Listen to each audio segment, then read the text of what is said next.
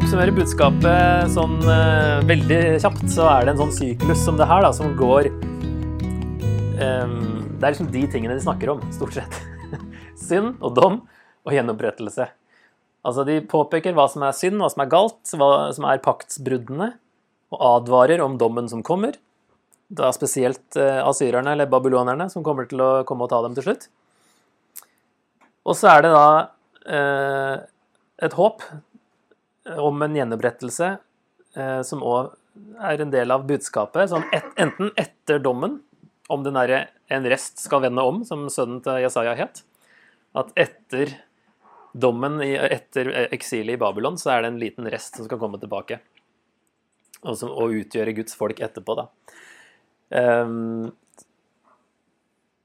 så en gjenopprettelse kan være da en fysisk tilbakevending til landet etter eksilet. Eller det kan se, at de ser lenger fram og ser mot Messias, snakker litt mer universelt språk. Og, og, det er av og til litt vanskelig å vite. Er dette ment historisk og konkret, eller er det messiansk og åndelig og, um, om den siste, siste episoden av Guds plan? Um, men det er stort sett de tingene der de er innom, da. Amos er jo da eh, veldig lite Det er bare de siste fem versene som er den gjenopprettelsen. Ellers er det da syndom, syndom, syndom, syndom, syndom, syndom gjenopprettelse. Ja. Men de slutter ofte veldig positivt, da. Slutten er eh, vel stort sett Selv Nahum, som eh, er liksom bare dom over Ninive Så slutten, siste verset er liksom Ingen kommer til å synes synd på deg, Ninive. Alle kommer til å klappe av glede for at du er borte. Det er liksom Det er det positive. Men, men vi må forstå at det her altså det var de mest brutale brutale rike som da hadde trakassert og herja alle andre. Så når de tas og ødelegges, så kommer alle til å juble. Så det er jo kjempepositivt. Men det er litt sånn skjult i den boka. Så, men andre bøker er det da mye mer håp på slutten. Hvis vi ser på eh, utdrag her fra Jeremia, så har vi faktisk alle de tre på ett sted. Og det er ikke så ofte faktisk at man finner det sånn, som en sånn syklus. Men her er det da Når du kunngjør alle disse ordene for dette folket, kommer de til å si til deg Hvorfor byr Herren at hele denne store ulykken skal komme over oss? Hva er vår skyld? Hvilken synd har vi gjort mot Herren vår Gud? Da skal du si til dem, fedrene deres forlot meg, sier Herren. De fulgte andre guder som de tjente og tilba. De forlot meg, og min lov holdt de ikke. Dere har gjort verre ting enn fedrene. Se, hver og en følger sitt onde og egenrådige hjerte uten å høre på meg. Jeg skal kaste dere ut av dette landet, til landet som verken dere eller fedrene deres har kjent, og der skal dere tjene andre guder både dag og natt. For jeg vil ikke gi dere nåde.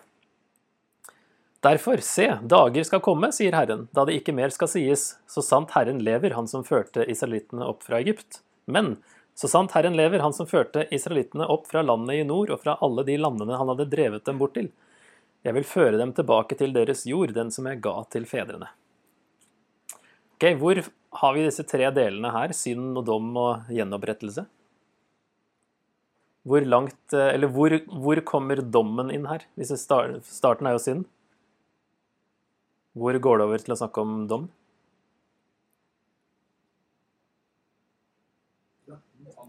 13, ja. Jeg skal kaste dere ut av dette landet. Det er dommen. Og når kommer gjenopprettelsen?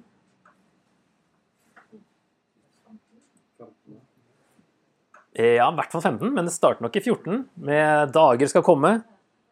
Da skal referansepunkter skiftes. Da er det ikke Egypt og utgangen derfra, men da er det utgangen fra eksilet i Babylon. For i Jeremias er landet i nord. Det er Babylon egentlig de kom nordfra.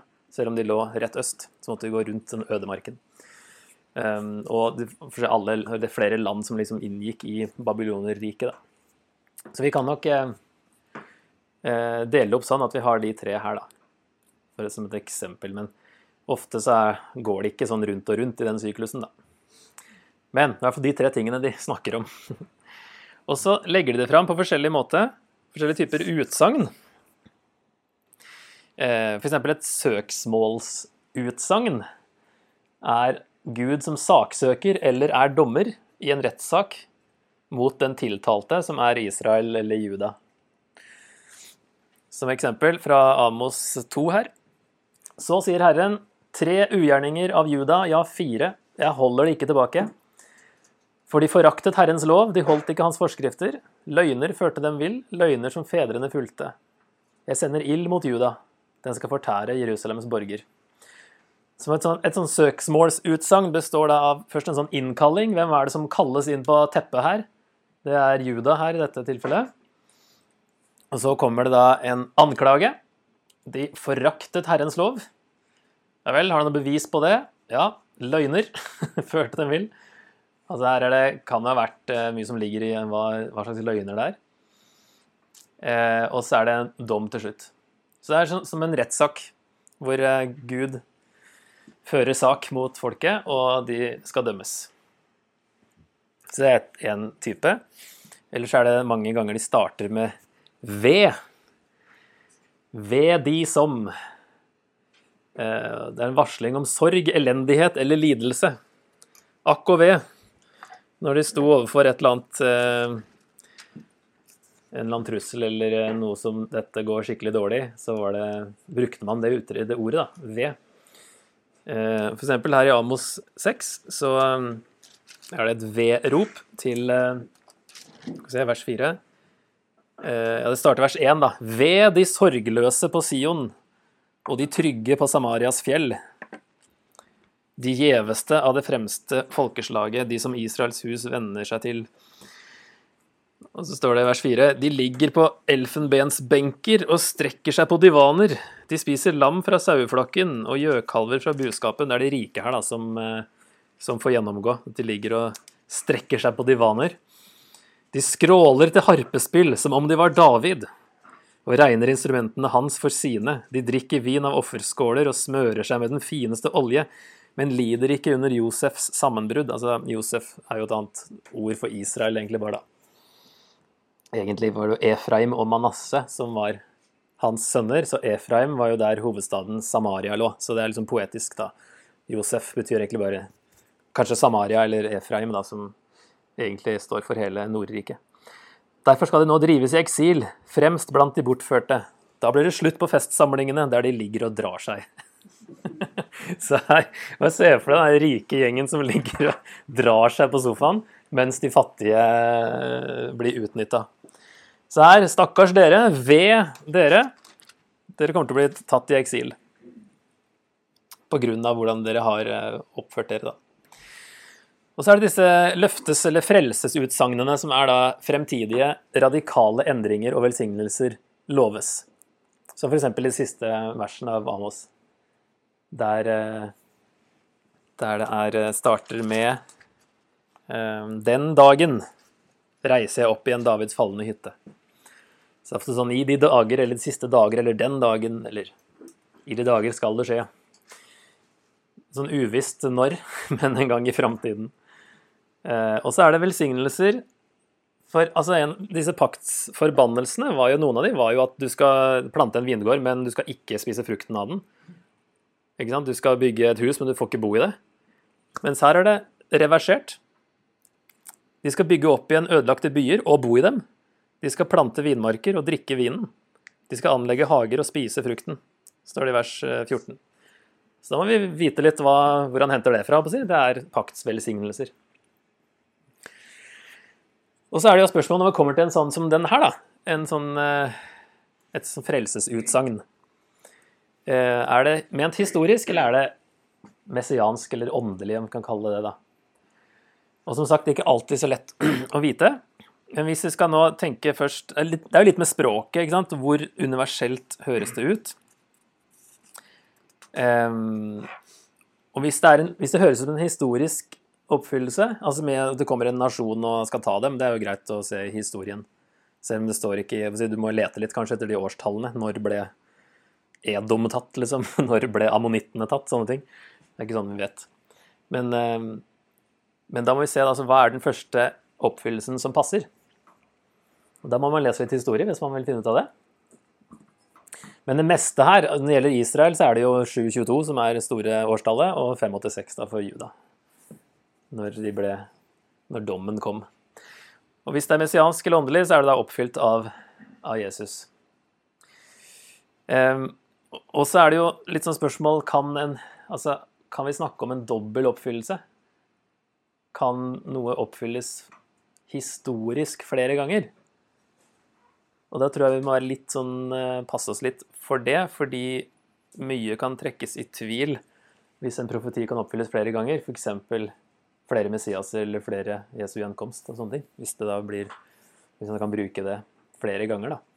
Så jeg tror nok det er safest og i så fall, hvis det er to, og det er jo litt sånn det her med hvordan alt egentlig peker fram på Jesus, så kan vi jo snakke ofte om en, historisk og en messiansk oppfyllelse, fordi Jesus oppfyller hele GT. Da kan det være på en måte en sånn litt sånn dobbelthet. F.eks. denne Immanuel-profetien da, som Matteus bruker om, om, Jesus. Mens i, og Der står det jo eh, jomfru skal, en jomfru skal bli med barn. Og han bruker den greske oversettelsen der ordet jomfru står. Mens i den hebraiske så er det et annet ord, som da nå de er oversatt med ung kvinne, som som regel var jomfru.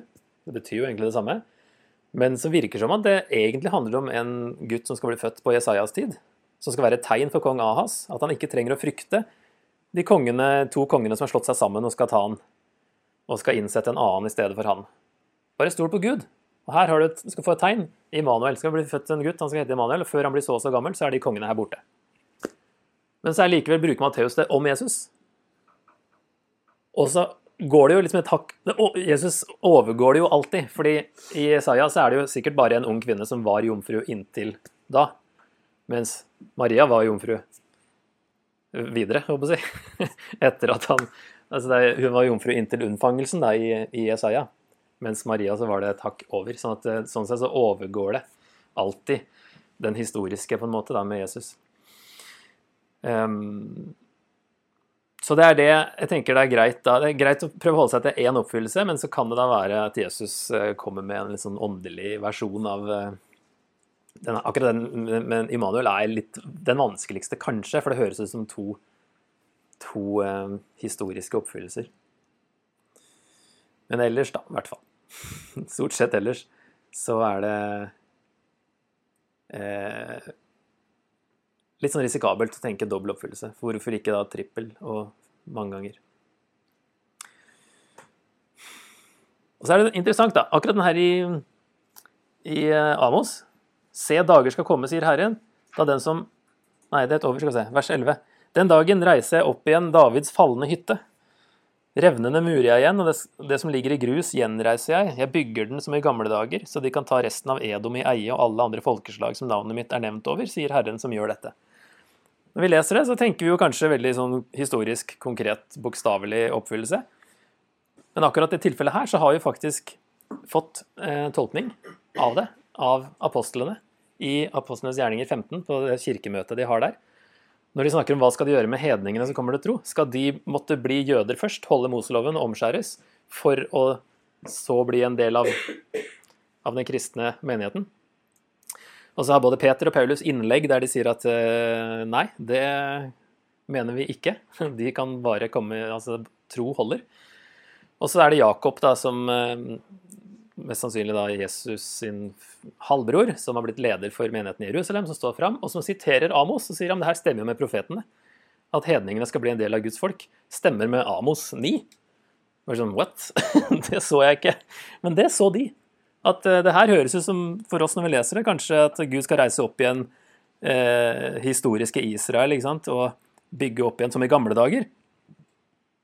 Og så har vi jøder som lever under eh, okkupasjon, under Romerriket, som hadde all grunn til å tolke det her politisk og historisk, men som ser Jesus.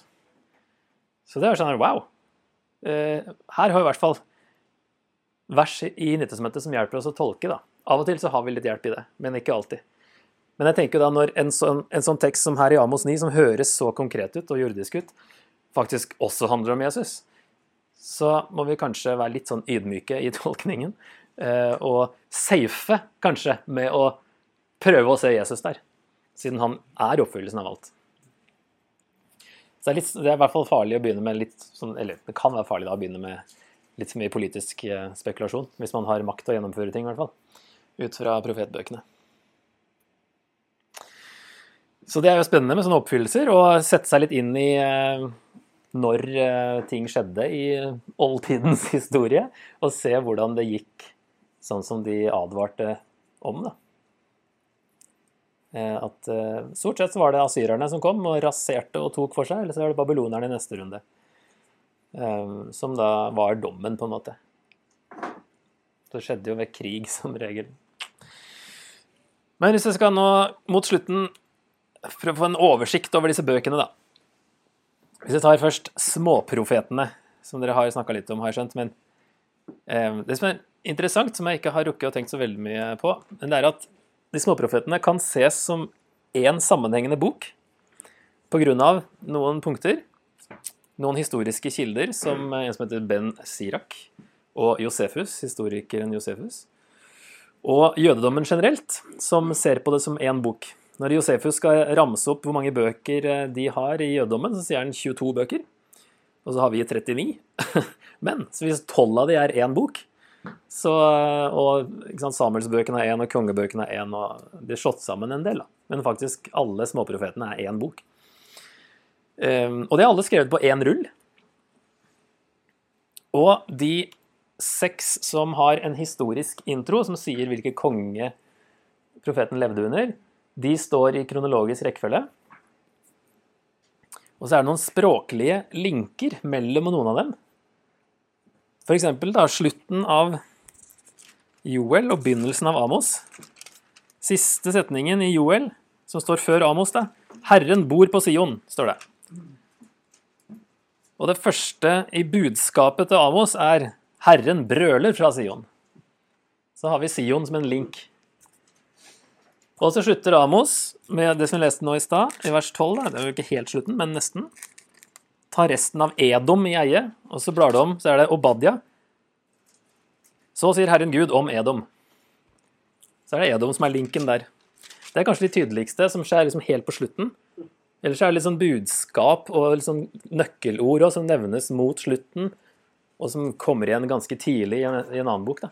Så man vet ikke helt hvorfor de står som de står, fordi Obadia, for eksempel, da, den eh, står jo ikke egentlig kronologisk riktig sted. Eh, Så da er det kanskje satt der fordi den linkes med Edom i Amos. da.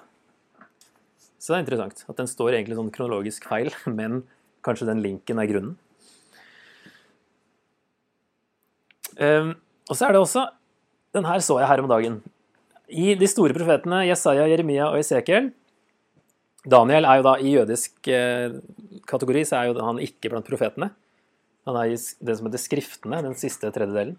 Men Daniel er jo òg en veldig annerledes profet, sånn sett, for han har jo ikke den synd, dom og gjenopprettelse og den syklusen og poesien på den måten. Han ser jo mest, Det er mest en historisk bok, nesten, første halvparten, og så en apokalyptisk bok på slutten. Så den, det gir mening at den for så vidt trenger ikke å stå blant profetene, da.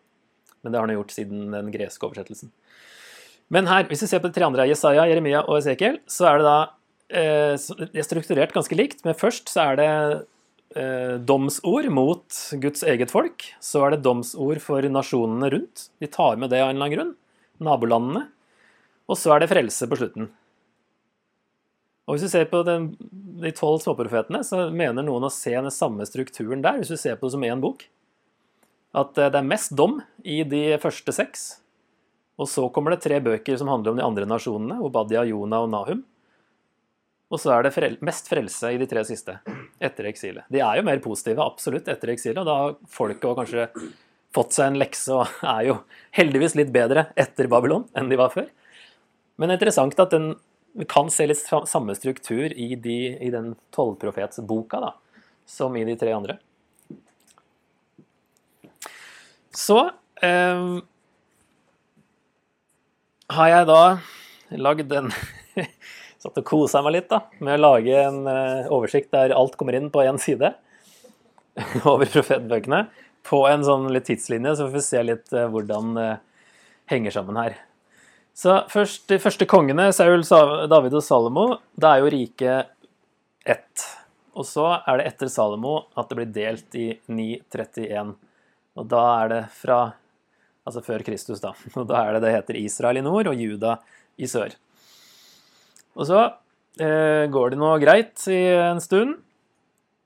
fram til eh, kom på 700-tallet, oppe i nord der, så er Jonah egentlig den, han som levde først, selv om boka kanskje nok er skrevet senere, det kan være mulig, men Jonah, eh, der boka hans handler om Guds hjerte for Israels fiender, for han sendes jo til Ninive, som er hovedstaden i Asyria, som er jo de som herjer med alle. Og han vil jo ikke dra, for han er en litt nasjonalist også, men vil jo egentlig ikke hans Når Gud ikke ødelegger dem fordi de vender om, så blir Jonas sint. Jeg visste det, for er, jeg visste at du ikke gjør sånn. Fordi når de vender seg om, så lar være, la det være å ødelegge dem. liksom. Fordi Gud er god, han ønsker jo omvendelse, han vil jo ikke bare straffe. Så når de omvendte seg, så ja, flott, da ødelegger vi ikke likevel. sant? Men Jonah han syntes ikke det var noe, for han ville gjerne at de skulle gå under, da, for de var jo brutale. Så han eh, er litt sånn annerledes bok, da. Det er jo ikke en sånn typisk profetbok, det er jo også en novelle, nesten. Men eh, interessant profet. eh, men så har vi Amos eh, og Hosea for så vidt òg samtidig her. Men eh, første verset da, eh, som vi leste i stad, med at Gud brøler fra Sion. Han brøler mot sosial urettferdighet i Amos. Fordi de ikke behandler de fattige rett, så får de noen brøl. Og så er det Hosea ganske samtidig og litt lenger utover da. Eh, Guds trofasthet mot utro Israel. Starter det med kraftsalve, altså den boka her òg.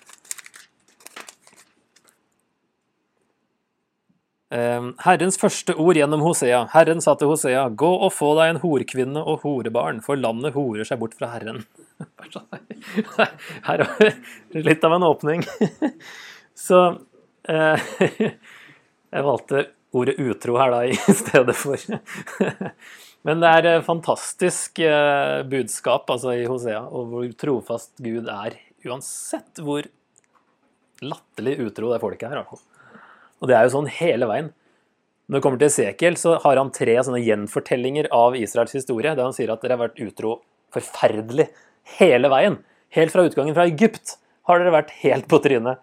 Og han har jo et par av de verste kapitlene, de mest seksuelle bildene som brukes, for å få fram hvor avskyelig de har oppført seg um, gjennom historien. Og han liksom går helt tilbake. Dere har aldri vært trofaste. Så det starter allerede Hosea, da, en av de første profetene. Men det går jo dårlig. 722 eh, så kommer asyrerne og tar eh, den delen av eh, Midtøsten. da. Så da er det bare Sørriket igjen, og de holder seg litt utover. Fram mot på 700-tallet så har vi Jesaja som en av de første der. Stol på Gud og bli hans tjenere, slik at verden kan kjenne ham og bli reddet. er en litt lang setning som på en måte oppsummerer hele boka. En ganske lang bok. Herrens lidende tjener er jo en kjent person i den boka, som brukes som Jesus. Veldig tydelig. Eh, fascinerende eh, Messias-profeti der, da. Men så kommer det mot slutten, siste biten, så er det plutselig flere Herrens tjenere. Sånn at den ene Herrens tjener har klart å gjøre et eller annet, sånn at flere kan bli Herrens tjenere. Og at målet er den nye himmel og nye jord da, som eh, dukker opp på slutten her. Og at folk kan få bli en del av det. Så handler vel første halvdelen om å stole på Gud. De første, første 39 kapitlene handler veldig mye om det. Så det her ja, én setning som oppsummerer ganske mye, da. Mika er samtidig som eh, Jesaja gjør rett, vis kjærlighet og vandre ydmykt. Der er det mye korrupsjon og dårlige holdninger og drap og mord og vold og blod. Eh, så er det et kall til å komme tilbake da, og leve på en annen måte. Han ser jo også at Nordriket går under. I starten har han budskap til både nord og sør. Og så etter at Nordriket har gått under, så bruker han Se hva som skjedde med Israel. Det kan skje med dere òg, hvis ikke dere skjerper dere. Så han er en sånn overgang, da. Så går det videre inn på 600-tallet. Da har vi Nahum her en gang på 600-tallet, som har da et ord mot Ninive, altså Asyria, som dømmes for ondskap og brutalitet. Og da hjalp det for min del eh, å putte inn et eller annet eh, grusomt i vår tid, inn i stedet for Ninive. Og så se at dom er en god ting. I Bibelen så er dom alltid en god ting. Salme 98, tror jeg, som er den her med at fjellene skal juble og trærne skal klappe i hendene, og hele skapverket gleder seg helt vilt i mange vers fordi Gud kommer for å dømme. Yay!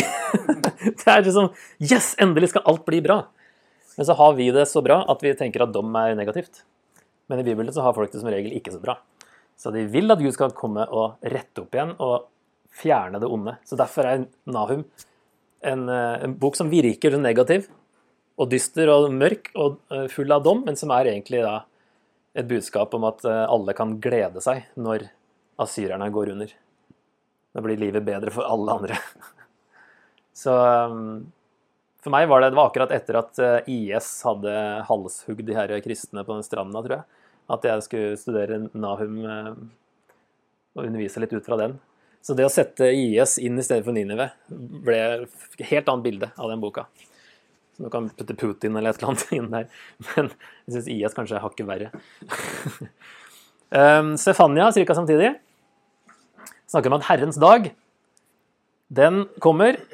Og det er som når Gud griper inn, da, så er det Herrens dag. Og den kan komme som dom eller frelse. Det spørs hvilken side du står på.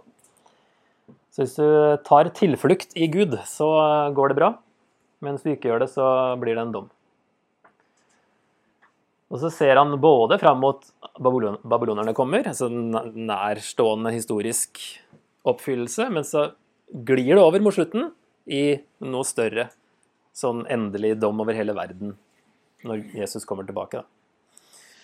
Så det er av og til to sånne horisonter i profeten sjøl òg. At det glir over i litt større språk etter hvert. Gjerne mot slutten. Uh, Habakuk han lever opp på den tida her, og han stiller spørsmål om Guds rettferdighet. Han lurer på først Gud, ser du ikke hva som skjer her, hvor fæle folk er, og hvor, hvordan altså ditt folk, ditt eget folk, oppfører seg så dårlig? Har du ikke tenkt å gjøre noe med det? Litt sånn det ondes problem, egentlig. Og så sier Gud jo da, jeg skal bruke babylonerne til å dømme dem. Og så sier Habakuk bare de er jo enda verre enn oss. Det er jo ikke Er det liksom måten å gjøre det på? Og så må Gud forklare han litt. Eh, det er liksom dialog mellom han og Gud. Og så ender det med at han skjønner at Gud vet hva han driver med. Rundt 600-tallet så har vi Jeremia. Han holder jo på 40 år, han òg, da. Men det er liksom 6 20 et eller annet inn i, til etter eh, babylonerne kommer, egentlig. Men han advarer jo stort sett i 40 år om at babylonerne vil komme som en ulykke fra nord. Jesaja han nå holder på i ca. 40 år. Og han, jo, han spør i starten, når han ser Gud sitte på tronen og, og får kallet sitt, og så spør han hvor lenge skal jeg holde på. Ja, først så sier Gud ja, ingen kommer til å høre på deg. det er sånn egentlig han sier da, at eh, nei, du skal holde på å være profet, men ingen kommer til å høre på deg. Og så og så spør han hvor lenge. Nei, til eh, landet ligger i ruiner. Altså til babylonerne har kommet. da. Så den siste delen er jo til folket i eksil. Eh, lenge etter at Jesaja sjøl levde. men han hadde egentlig et budskap for neste generasjon. Eller flere generasjoner senere. Han sto i den motstanden eh, og holdt ut, selv om han visste at ingen kom til å høre. Men de som havner i eksilet, de kommer til å høre. Og de kommer til å komme tilbake, og de kommer til å være bedre enn fedrene sine. Så det er bare sånn der, uff, Tenk å ha en sånn tjeneste som du tenker at Eller du kommer deg ikke unna engang fordi Gud har kalt deg til å være profet. Eh, og så er det ingen som hører på deg. Men du bare stoler på at eh, i det store bildet så har det en effekt. Også en eh, tidløs sannhet å ta med seg. Så etter Jeremia så går det ikke så veldig lenge da, før 586. Eh, så eh, kommer eksilet. Tas eh, Altså, de fattige får jo bli igjen, da, så etter Amos her. ikke sant? De fattige har jo fått uh, unngjelde av, av, de rike. Og de får jo være igjen. Det er de rike som tas. Aristokratiet og lederne og kongen og sånn. Det er de som i hvert fall først tas til, uh, i eksil. da. Mens de fattige bryr, bryr, seg ikke så mye om. Så de får være igjen. Så de ble på en måte redda, da. Eh, både i begge to, på sin, nord og sør. Og I eksilet så skrives det også litt. Eh, der er det Obadia da, som regel plasseres. eh, og Edom da dømmes for svik mot sin bror Israel. Selv om det var Guds dom at babylonerne skulle komme og ta dem, så var det drøyt av Edom, da, edomittene, Esau sine etterkommere, å tjene på det. Å slå seg sammen med babylonerne i stedet for å være på Israels side. At det gikk for langt, egentlig. Eh, så de får en liten, kort bok der, ett kapittel, med en dom der. Og så Esekiel, han tas eh, eh, Skal vi se 592, er det vel? Seks år før tempelet faller.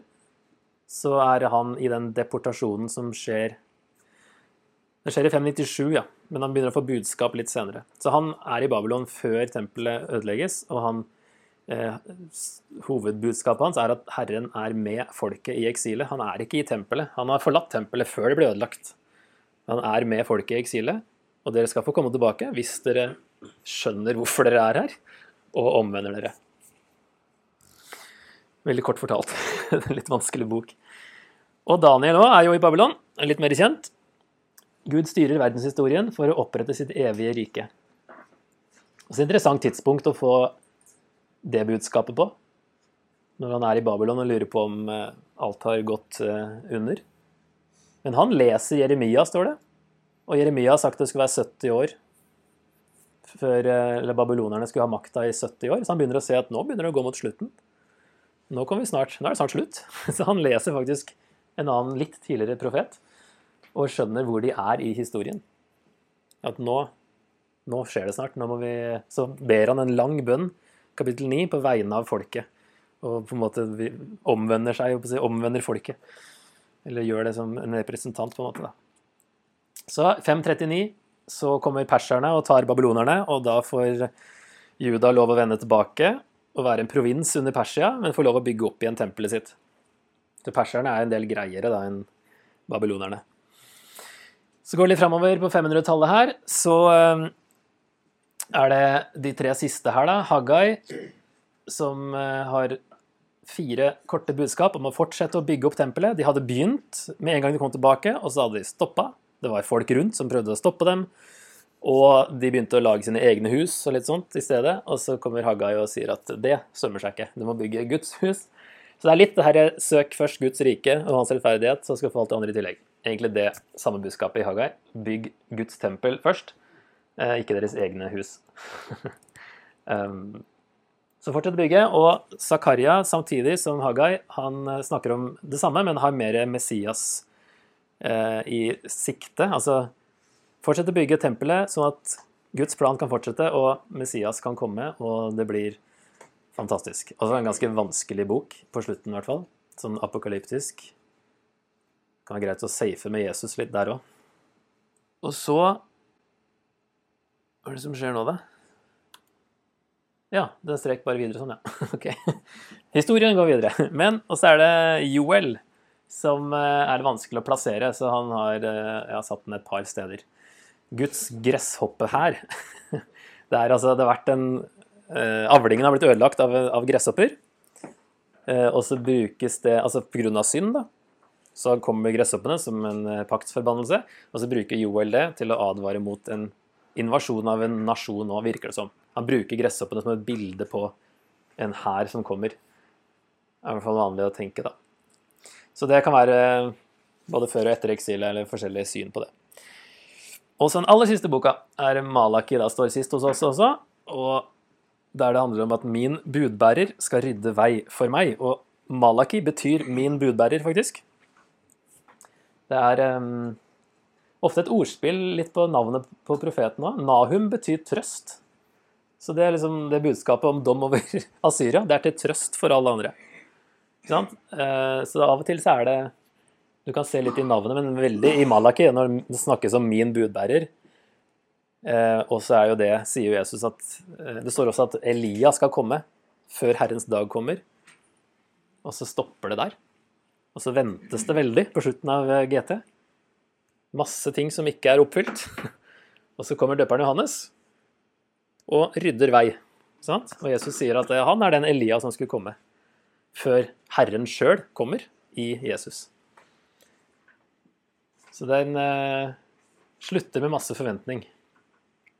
Eh, Gammeltestamentet, sånn som vi har satt det opp, da, med Malaki til slutt. Så det er greit å få plassert det litt sånn utover, eh, og se at det er inn i en kontekst her. Og spesielt de her innovasjonene som eh, de advarer mot, som regel.